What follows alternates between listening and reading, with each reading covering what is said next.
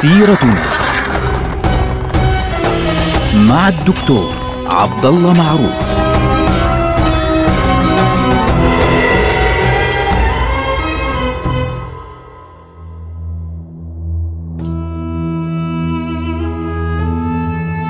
السلام عليكم ورحمة الله وبركاته. سيرتنا سيرة هذه الأمة العظيمة ونحن الآن في عهد السلطان سليمان القانوني. السلطان سليمان القانوني في آخر حياته يعني قبل فترة بسيطة من وفاته كان قد عمل بكل قوته لفتح جزيرة مالطا لكنه لم يتمكن من ذلك. يعني بعد أن حاول بكل قوته أن يفتح جزيرة مالطا لم يستطع أن يفعل ذلك فانتهى الأمر على إيقاف الحصار في عام 1565 بعد هذا الحدث مباشرة أو خلال هذا الحدث مباشرة حدث اضطراب جديد في بلاد المجر.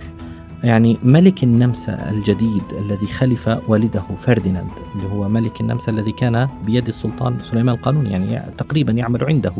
آه وكان له اتفاقية خاصة مع السلطان سليمان القانوني. تولى الحكم رجل اسمه ماكسيميليان.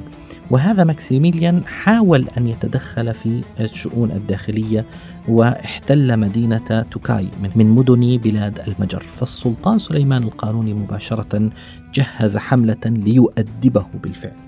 أضف إلى ذلك أنه كان يعني مسكون بمشكلة مالطا يعني الهزيمة التي حدثت في جزيرة مالطا واضطراره لرفع الحصار أراد أن يتحرك ليكسب نصرا بالفعل. في ذلك الوقت كان السلطان سليمان أصلا مريضا يعني هو في السبعينات من عمره في ذلك الوقت ولكن مع ذلك خرج السلطان سليمان القانوني على رأس الجيش في شهر رمضان من عام 973 للهجرة الموافق لشهر نيسان أبريل 4 عام 1566 تحرك السلطان سليمان القانوني في داخل بلاد المجر ووصل مقابل آه، بلغراد وقابله هناك ملك المجر اللي هو يوحنا آه، سيغموند طبعا آه، ملك المجر يوحنا سيغموند أكرمه السلطان سليمان القانوني وتحرك بالفعل السلطان بعدها حتى وصل إلى قلعة آرلو التي تتحكم بالمضيق المؤدي إلى ترانسلفانيا في ذلك الوقت.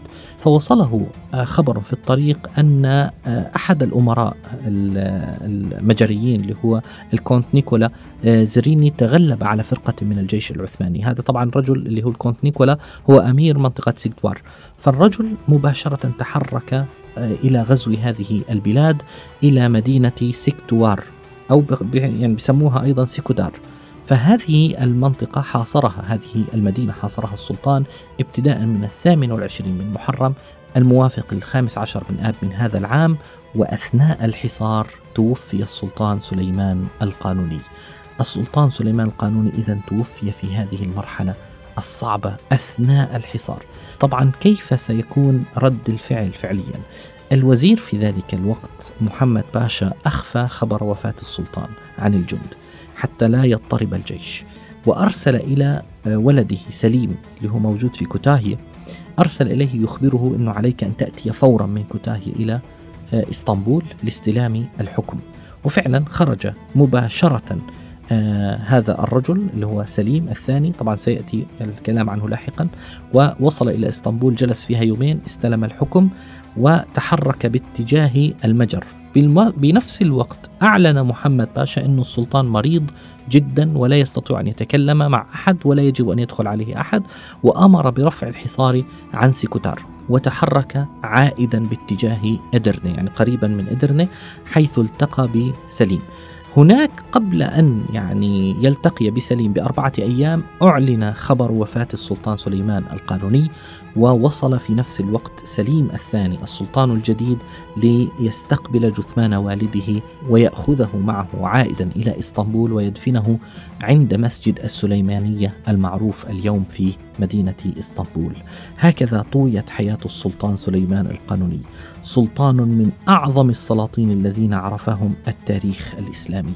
السلطان سليمان القانوني كانت شخصيته طبيعته يعني قد فتحت المجال للقصاص والكتاب والشعراء والأدباء بأن يتكلموا عنه بشكل كبير جدا. الرجل كان آه، شاعرا. الرجل كان على فكرة له ديوان شعر على فكرة. كان خطاطا. كان أيضا يكتب يعني بخط جميل جدا خطاط باللغة العربية ويجيد اللغة العربية ويجيد اللغة الفارسية وكان يقرأ يعني أحلى شيء عنده عندما يريد أن يهدأ ويروح عن نفسه كان يقرأ كان يعني كان يطالع. وعنده ثمان نسخ من القرآن نسخها بنفسه. محفوظة اليوم في إسطنبول في السليمانية. نسخها بنفسه. وكان له يعني قصائد جميلة جدا في آه، مدح رسول الله صلى الله عليه وسلم حتى في الغزل يعني. وكان محبا للصيد. ويعرف هذا الرجل فعليا بين الناس جميعا باسم السلطان سليمان القانوني. لماذا؟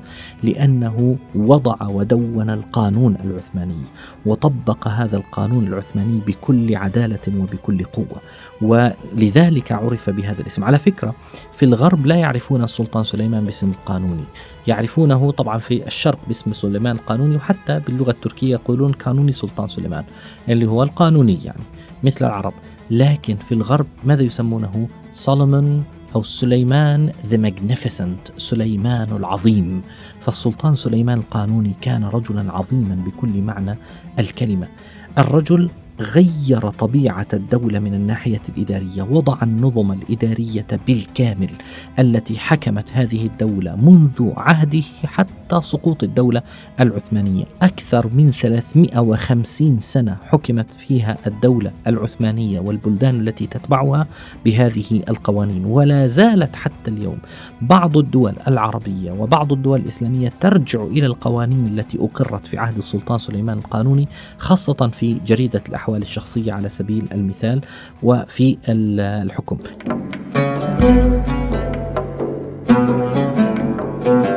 في عهده كما ذكر بعض المؤرخين وصل عدد الجند جند الجيش العثماني إلى 350 ألفا. هذول هذول اللي هم مسجلين رسميا وكان معهم أكثر من 300 مدفع والسفن الحربية كان فيها 300 يعني 300 سفينة كانت تتبع الدولة العثمانية. هذا الرجل كان فتوحه العظيمة وصلت بها الدولة العثمانية إلى أعلى وأكبر مساحة يعني وصلتها في تاريخها. ومن أهم الإضافات المهمة التي كانت في زمانه بالفعل العمارة العظيمة. يعني في عهده كان الأمير أمير البحار بربروس خير الدين بربروس الذي ما زال موجودا في الذاكرة الأوروبية بالفعل في آه، المسلسلات في الكرتون في غيرها ما زال أصبح ثابت من ثوابت العقلية الأوروبية المتعلقة بفكرة البحر والبحارة وغيرهم. في زمن السلطان سليمان القانوني كان أعظم مهندس من مهندسي المعمار في التاريخ الإسلامي المعمار سنان باشا الذي بنى مسجد السليمانية المعروف الكبير. ومسجد آه، أو قبر أبي حنيفة مقام أبي حنيفة في بغداد بني في عهده. أيضا جددت أسوار مدينة القدس في عهد السلطان سليمان القانوني فسور القدس العظيم المشهور اليوم بني في عهد السلطان سليمان القانوني طبعا السلطان سليمان القانوني لم تكن يعني حياته كلها يعني إنجازات بشكل أنه ليس هناك أي نقطة سلبية في تاريخه أو أي نقطة سلبية في زمانه. لا أبدا. السلطان سليمان القانوني حدث في زمانه شيء محزن يعني أشياء محزنة. وهناك بعض الأشياء الجدلية التي حدثت في عهد السلطان سليمان القانوني خاصة آه، في داخل القصر. على سبيل المثال يعني حادثة مقتل ولده الأكبر اللي هو مصطفى ابن سليمان. هذه الحادثة ذكرت عند كثير من المؤرخين وذكرها بعض المؤرخين بالتشنيع على السلطان سليمان القانوني وبعضهم حاول أنه يشنع من خلالها على زوج السلطان سليمان القانوني اللي هي حرم سلطان أو روكسيلانا اللي قبرها معروف اليوم بجانب قبر السلطان سليمان القانوني في السليمانية.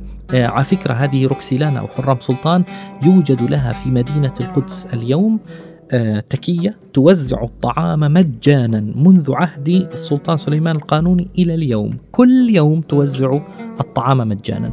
فمحمد آه، فريد بيك على سبيل المثال المؤرخ المعروف هذا محمد فريد بيك اتهم حرم سلطان أو روكسيلانا وهي كانت يعني مسيحية وأسلمت ثم تزوجها السلطان سليمان القانوني. يتهمها بأنها هي التي تسببت بمقتل مصطفى. الذي يهمنا هنا أنه مصطفى يعني اختلف كثير من المؤرخين في سبب قتله.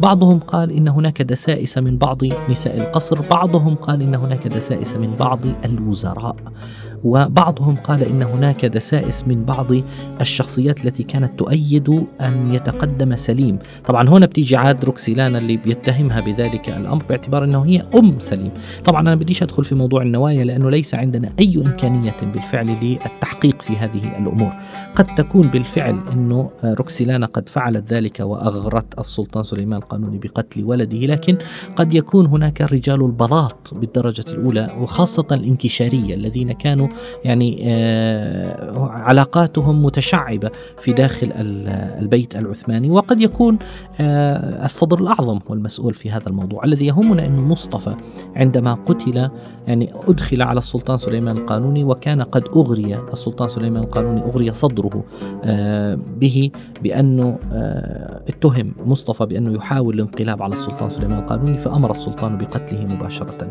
وبعد ذلك حدثت حادثة أيضا يعني سيئة يعني سلبية كبيرة جدا وهي أن السلطان سليمان القانوني أيضا آه، انقلب عليه واحد من أبنائه في ذلك الوقت اللي هو بايزيد ابن السلطان سليمان القانوني. فبايزيد هذا كانت بينه وبين أخيه سليم عداوات شديدة بين الطرفين.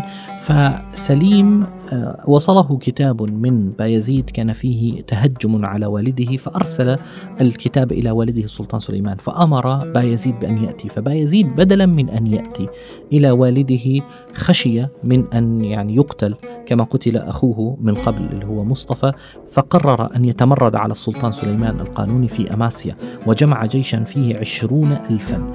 و بالتالي السلطان سليمان اضطر بأن يرسل إليه جيشا يعني قرب قونيا التقى الطرفان في عام 1561 وهزم بايزيد وفر منها إلى أماسيا ومن هناك فر إلى هو وأولاده إلى إلى الشاه طهماسب الأول شاه الدولة الصفوية مما آلم السلطان سليمان القانوني. لكن الغريب أنه طهماسب الأول هذا غدر ببايزيد وأرسل إلى السلطان سليمان القانوني يقول له هذا عندي وأنا أستطيع أن أسلمك. بايزيد وأولاده وفعلا أرسل طهماسب الأول بايزيد وأبنائه إلى السلطان سليمان القانوني. طبعا لم يصل مباشرة إلى السلطان فقتل الأربعة في الطريق. فهؤلاء مباشرة تبين لنا أن السلطان سليمان كان يواجه مشاكل داخلية. يعني أحيانا يغدر أحد الإخوة بالآخر. يعني ابنه ينقلب عليه يحاول أن ينقلب عليه.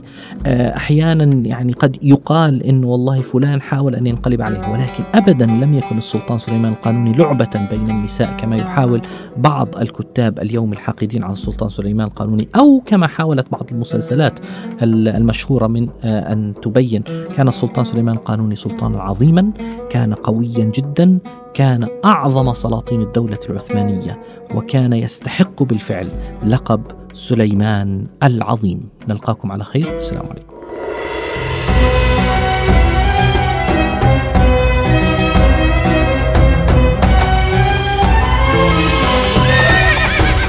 سيرتنا